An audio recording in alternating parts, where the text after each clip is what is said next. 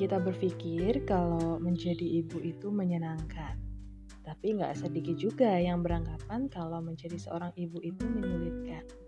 Namun sebenarnya menjadi seorang ibu itu Sampai sekarang saya pribadi juga belum bisa menyimpulkan karena mungkin sebagai ibu baru masih susah untuk mendeskripsikan bagaimana rasanya menjadi seorang ibu.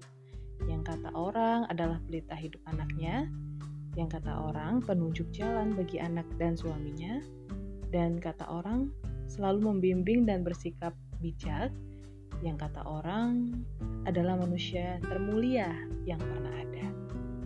Di usia yang masih seperempat abad, saya sudah berani untuk mengambil keputusan menjadi seorang ibu. Kenapa? Simpel saja.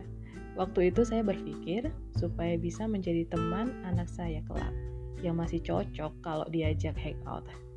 Padahal di luar sana, banyak teman seumuran saya yang masih menghabiskan waktunya untuk bersenang-senang.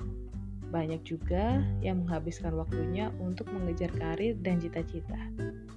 Banyak yang menghabiskan waktunya hanya untuk sekedar nonton film Korea sambil berangan-angan.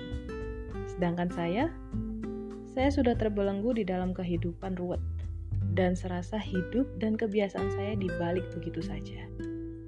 Saya harus struggle bekerja, mencari uang untuk kehidupan anak saya bersama suami, mengurus rumah tangga, mengurus anak, membimbing anak, mengajarkannya banyak hal baru, mendengar ocehan negatif dari kanan kiri, mendengarkan mitos sana sini dari masa hamil sampai punya anak. Ribet kan? Tapi itulah bagian kecil dari seorang ibu. Jadi sedikit kesimpulan dari saya, menjadi ibu itu ruwet, ribet, pusing, nyebelin, ngeselin, muak. Tapi tidak ada semenyenangkan di saat eh, melihat anak kita tertawa, saat kita bermain dengan dia, melihatnya tertidur pulas di pelukan, sambutan selamat pagi dari suami setiap hari, melihat wajah bahagia suami saat di, saat dia ini memakan masakan saya, melihat suami dan anak tertawa saat bermain. Rasanya gimana sih?